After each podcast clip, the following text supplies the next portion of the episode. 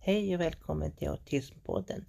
Idag ska vi prata om det här med att vara kvinna och att många unga som byter kön får väldigt allvarliga skador. Och ja, precis, för att, eh, för att det är nämligen så med kvinnlighet där att jag är ju min alter ego Alessa och jag tycker ju att med liksom det här med eh, att eh, Eh, barn då så att säga gör könsbyten så tidigt, man ska sänka den åldern, det tror inte jag på. Alltså jag tror ju att Uppdrag granskning är inne på någonting här nu, att det är jättebra med att liksom det här med trans och sånt liksom blir en blir uppmärksammat och att fler öppnas för transfrågor och att det blir en debatt om det här och att det blir mer öppenhet och så.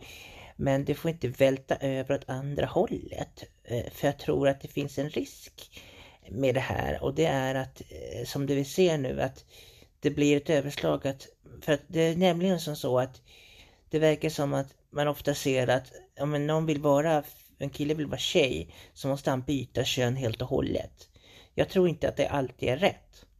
Nej, precis, för att jag kan liksom ändå vara en, en, en kvinna eller en tjej fast jag liksom vill vara, vad säger man, och jag tycker liksom ändå att särskilt på barn så tycker jag ju att det är väldigt riskfyllt att man liksom ska börja göra könsoperationer på unga barn. Alltså jag tycker så här att, eh, för att jag menar jag tycker ändå liksom att det traditionellt manliga samhället blir liksom mer feminint. Vi var ju nästan nära på nu få en kvinnlig statsminister igår. Eh, vilket tyvärr då inte ge, vilket tyvärr följer på att eh, ja, högern då hade eh, etsat sin budget där och eh, Eh, Magdalena då tvingades avgå efter att Miljöpartiet då hade så att säga varit inne och, och, och sagt att de inte längre tänker eh, vara med i leken då med regeringen och då eh, tycker jag det känns ju lite som att alltså manlighet, det borgerliga liksom att om män får tillåtas vara mer kvinnliga så skulle de också kanske vara mera lugna i sig själv. Alltså precis, för jag tror ju mycket på det här liksom att att det finns en, så att säga, en, en extremitet att antingen måste det vara en riktig man eller så måste det gå helt liksom eh, över till andra sidan och liksom bli kvinna. Jag tror ju mycket på det här liksom mittemellan, bigender och sånt.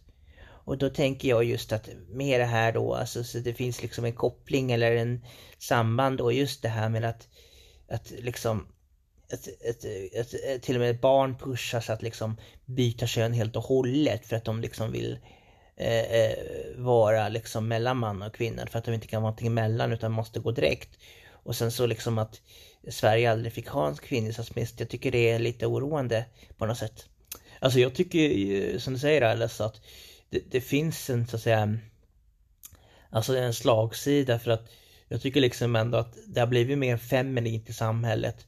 Eh, vilket jag tror är bra därför att det, det känns ju som att liksom eh, Alltså i form och färg och sånt att vi är mer för att säga öppen för kvinnlighet, att kvinnor tar plats i, i företagen. Det är en, alltså det blir en mer acceptans då och så här för liksom att kvinnor också har en plats i samhället och det är ju jättebra. Och jag tycker också att det är bra att män kan våga vara så att säga mellan och sådär. Men jag tror ju också det här med könsroll att Alltså man pratar just om det här att man ska, eh, så att säga, som sagt då, eh, som jag säger det här med att man liksom måste då gå, liksom att man måste byta kön med ingrepp för att liksom få bekräfta sin kvinnliga identitet. Det tycker inte jag alltid är rätt väg.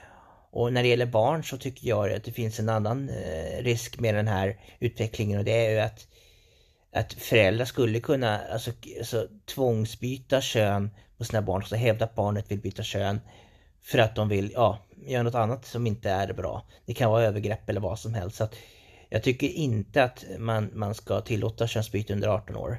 Eh, och sådär och att eh, föräldrar ska kunna liksom bestämma. Det finns en fara med det. Det kan användas på fel sätt. Ja, jag tror ju att det finns ju en, som sagt, risker med, eh, som du säger, där, könsbyten.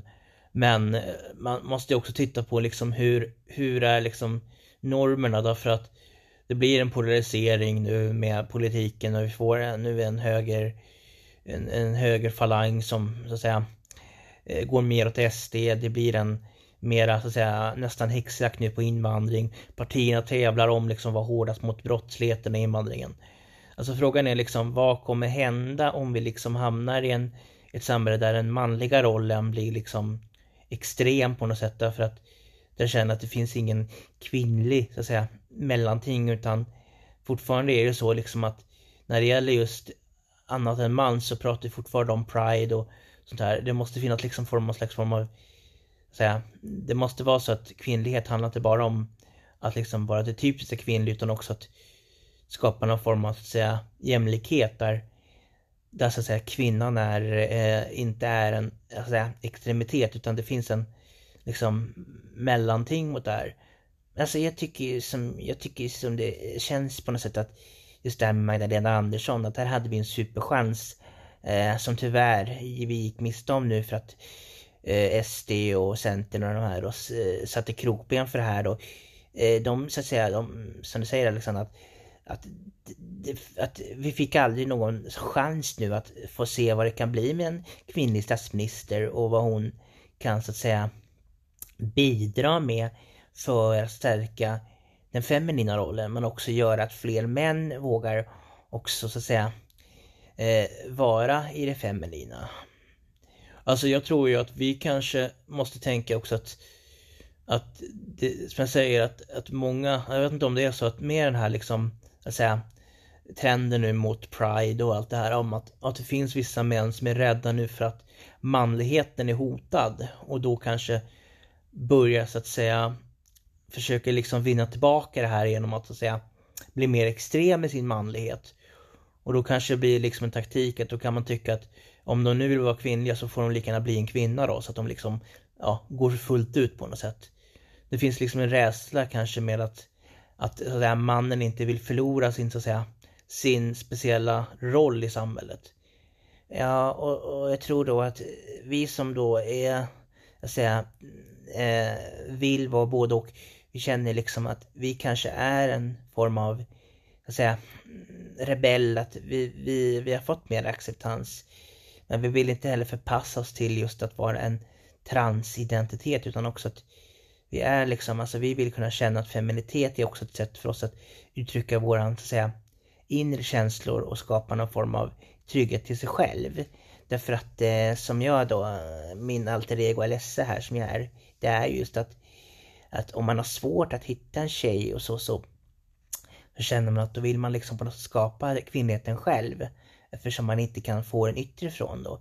Så att eh, eh, jag vet att det finns någonting på nätet om just det här med trans insults eller vad det heter. Ja, det har jag sett också. Att det finns såna här alltså, diskussioner utomlands. Inte så mycket i Sverige just med att vissa personer som känner att de aldrig har fått en kvinna faktiskt gör om sig till kvinna för att de vill ha kärlek och uppmärksamhet. Ja, och det är ju någonting som är ganska riskfyllt därför att de här personerna kan ju så att säga hamna i situationer där de blir att säga, utnyttjade eh, och så eh, Eh, åt andra hållet då. Det är ju inte heller bra utan det måste finnas en form av det. Och sen har vi då att eh, och, sen så har vi ju då, då att det finns ju då en förekomst av övervikt när det gäller just, eller övervikt när det gäller antal personer med autism jämfört med övriga befolkningen som har trans, eh, eh som vill vara könsöverskridanden. Och det betyder ju då att det finns så att säga en, en ganska stor koppling då menar vissa forskare på just mellan eh, att vara kvinnlig eller att vara liksom transvestit och att ha autism. Och flera teorier är ju då att eftersom man redan har en, så att säga, en svårighet och en, så att säga, redan en slagsida så kanske på något sätt inte lika stort steg på något sätt att bryta mot normen när man ändå inte kommer in i normen. Ja, för att det kan jag tänka mig att liksom om man ändå känner att man inte kommer in i normen och så här, så kanske också ett sätt att på något sätt uttrycka det genom att ja, eh, bli liksom vara ännu liksom mer mot normen. Men också kanske då att man inte heller förstår de sociala koderna. Och förstår man inte dem heller så kanske man inte heller ser begränsningarna i då att, att säga, bryta mot könsnormen. Nej, och sen tänker jag då som, som vi pratade där innan då om incest att, att har man liksom aldrig fått den bekräftelse som man har från tjejer och kvinnor som kille då så kanske man på något sätt vill prova att skapa den själv. Eh, och det är ju det som jag tror att eh, det finns ändå va. Eh, så att Eh, men som sagt, de blir kanske mer risk, riskbenägna eller så att säga, eftersom de så att säga, som sagt inte, redan inte har att säga, skapat ett fotfäste inom normen som autism och då är det inte heller så svårt heller att kanske så att sticka ut.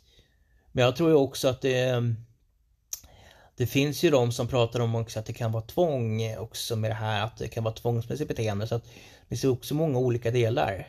Ja, och det säger ju också vissa forskare att det finns ju risk för att alltså vissa typer av uttryck kan vara tvångsmässiga och av helt andra orsaker. Att det kan vara att man utsätter sig för farliga situationer, självskadebeteende och sånt. Så att, och just därför som jag tycker då att, att när ungdomar då, som jag säger under 18 år, de är ju ofta i en, en situation där de inte liksom riktigt känner sig själva och så.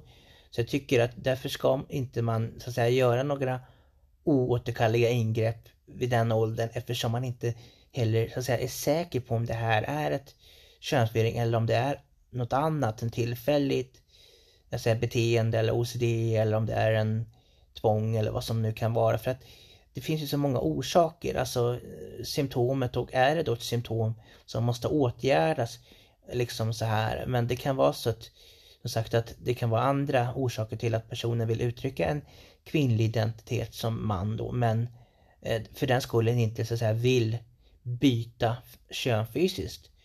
Men eh, som du ser då på det ganska att det blir en press. Ja, för det blir ju press då, som sagt då, från samhället att liksom, ja men, man frågar då liksom, ska du inte operera dig och så liksom? Det går ju Eh, ja, och då, då blir det ju liksom att man uppmuntrar, men det kan ju också bli att det blir nästan en press att man måste sådär. Och då måste ju så att säga samhället vara lite på sin vakt där och liksom inte bara liksom böja sig för det här utan också se vad som är så att säga, orsaken. Och när man också är under 18 år så är inte kroppen färdigväxt heller. Vilket gör att det också kan vara ännu farligare att göra sådana här ingrepp i och med att kroppen redan håller på att förbereda sig nu för att, att säga, maturera som som det kön man har fötts till. Ja, för att det är också en fara rent eh, somatiskt, alltså att man så att säga, ändrar hormoner och sånt när man är ung. Eh, och sådär, så att det är ju väldigt allvarligt när man så att säga gör ingrepp och jag tycker då att att hetsa liksom fram könsbyte för att det inte finns något mellanting mellan liksom eh, så att säga, det manliga och kvinnliga gör ju att vi får ju en ganska farlig situation där unga söker sig till vården och belastar då vården i sin, så att säga, i sin sak då. För vi ska ju prata om också att bortsett från de personliga förhållandena så är det också en stor kostnad när ungdomar då söker sig till transvården. Eh, för att då, så att till den kostnaden så är det ju frågan, är det verkligen värt att liksom då lägga så mycket pengar på att, att försöka operera unga när det kanske det både är en hög kostnad men också riskabelt därför att just unga människor är i ett läge där de kanske inte är säkra på det här. Men samtidigt så måste ju också psykiatrin fungera när det gäller barn och ungdomar. Alltså att eh, man jobbar mer liksom med, att, eh, med hela bilden därför att som jag säger det, det finns många orsaker till beteenden och det finns allt är inte ett så att säga svart på vitt. Och sen tror jag också att, att jag, jag, min åsikt är ju att oavsett om man är barn eller vuxen så tänker jag att det här med könsoperation och sånt. Det är, en, det är en sista utväg som man gör om det finns medicinska orsaker. Eh, som till exempel att könsorganet kan vara eh, fel eh, så att säga, vid födseln, att det finns en oklarhet vid födseln och sånt, indergender och sånt där. Då.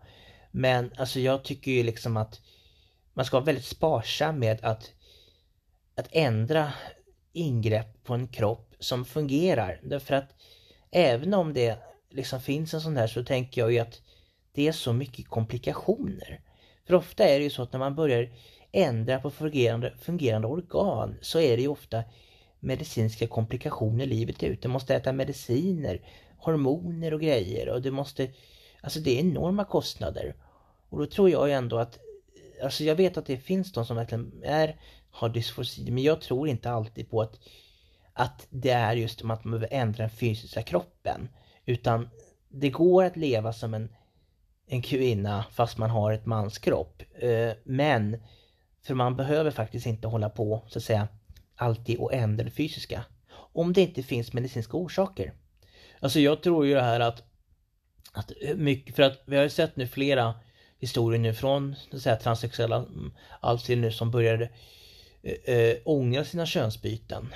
För att de säger att det var inte det de ville. De blev inte lyckligare för det därför att eh, könsbytet var liksom en illusion, nästan lite som självmord. Att de tror att det blir bättre om man att säga, förändrar den fysiska kroppen eller tar bort någonting. Men jag tycker att det är nästan lite som med självmord, att man tror att man löser allt genom att ta livet av sig. Men så är det ju faktiskt inte därför att jag, eh, för att liksom, jag tror ändå att man måste acceptera det liv man har. Jag tror att mycket går att göra innan man så att säga behöver förstöra eh, levande eller friska organ. Jag menar, jag kan ju dra lite paralleller till så att säga könsstympning som man gör i många religioner eh, med kvinnor som då så att säga där man tar bort det här. Det är ju lite samma sak. Det känns lite som könsstympning när man så att säga ja, eh, eh, eh, förstör fungerande, en fungerande penis eller vagina i onödan. Eh, om det inte finns en som sagt medicinsk orsak. Ja, för att som sagt det finns ju människor som är födda med defekta organ och sånt och då har vi en helt annan situation och det är inte det jag pratar om. Utan jag pratar om att jag tror att 80-70% av de som behöver göra en könsoperation inte skulle behöva göra det om det fanns en annan acceptans för att man kan leva ur det kön man är född i medicinskt. Men samtidigt ta den andra rollen för att jag tror som sagt det mycket är och Ja, och sen tänker jag rent generellt, alltså man visar ju inte sina könsorgan så mycket offentligt egentligen. Jag menar det är ju faktiskt så, jag tänker ändå att vad har man för nytta av att liksom ändå förstöra? Alltså det är en enorm rehabiliteringsprocess, det är enorma kostnader för operationer och allting och jag tycker ändå att att det, jag tror att, jag tror 60-70% av de här könsbytena är onödiga.